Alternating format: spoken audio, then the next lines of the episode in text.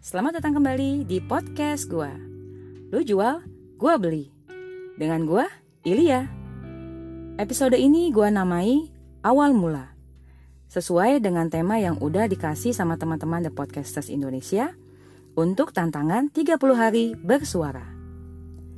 Pastinya sepanjang hidup kita banyak banget momen yang menjadi awal mula.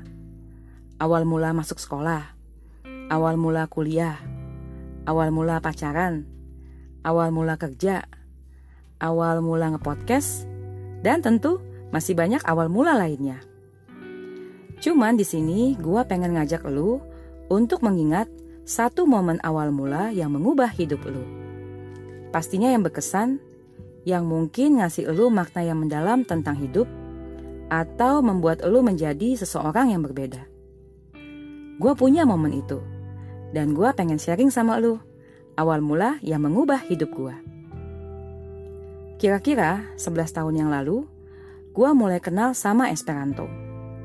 Mungkin banyak dari lu yang asing sama kata Esperanto, dan mulai nanya, makhluk apaan tuh? Serius, itu juga pertanyaan yang sama yang muncul di kepala gue Waktu gue pertama kali baca kata Esperanto yang ditulis seseorang di emailnya melalui situs web Couchsurfing, suatu komunitas traveler. Tapi entah kenapa gue penasaran dan tertarik pengen tahu. Terus ikutan nimbrung ngejawab email orang itu, kayak teman-teman anggota komunitas lainnya.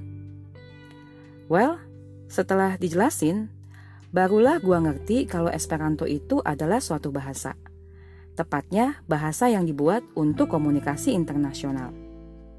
Si penulis email, seorang warga negara Belgia, berencana datang ke Jakarta dan beberapa kota lainnya di Indonesia untuk mengenalkan dasar Esperanto.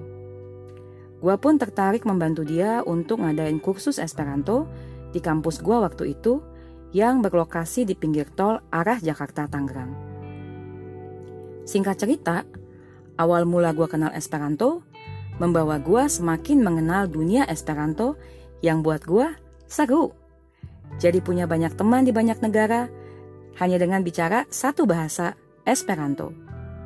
Udah gitu, semua teman-teman Esperanto gua baik-baik banget. Ada yang ngasih gua tinggal di rumahnya waktu gua traveling ke negaranya. Ada yang ngajak gua jalan-jalan ke tempat-tempat yang bagus. Ada yang mau ngenalin gua sama kebiasaan dan budaya lokal Pokoknya banyak banget ya kebaikan mereka. Hal lain juga yang gue syukurin, Esperanto membuka jalan buat gue mewujudkan mimpi masa kecil. Gue jadi bisa ngetrip ke beberapa negara di Eropa untuk mewakili Indonesia di ajang Kongres Esperanto Internasional. Selain juga ke beberapa negara di Asia dan Australia.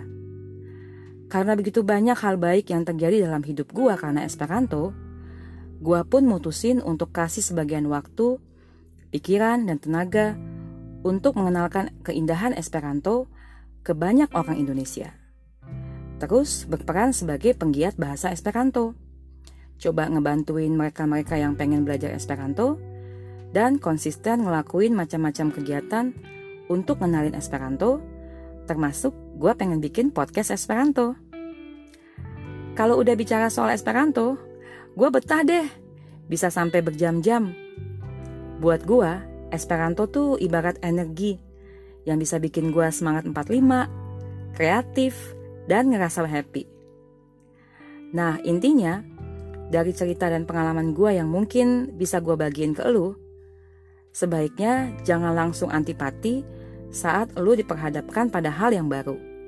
Terbukalah dan coba, siapa tahu membawa manfaat atau membuka pintu kesempatan. You never know until you try. Seandainya waktu itu gue nggak nurutin rasa penasaran gue sama Esperanto, pastinya cerita hidup gue bakal beda. Well, segitu dulu deh cerita awal mula yang telah mengubah hidup gue. Semoga bermanfaat buat lu yang dengerin episode ini. Lu jual, gue beli. Siapa takut? See you on the next episode.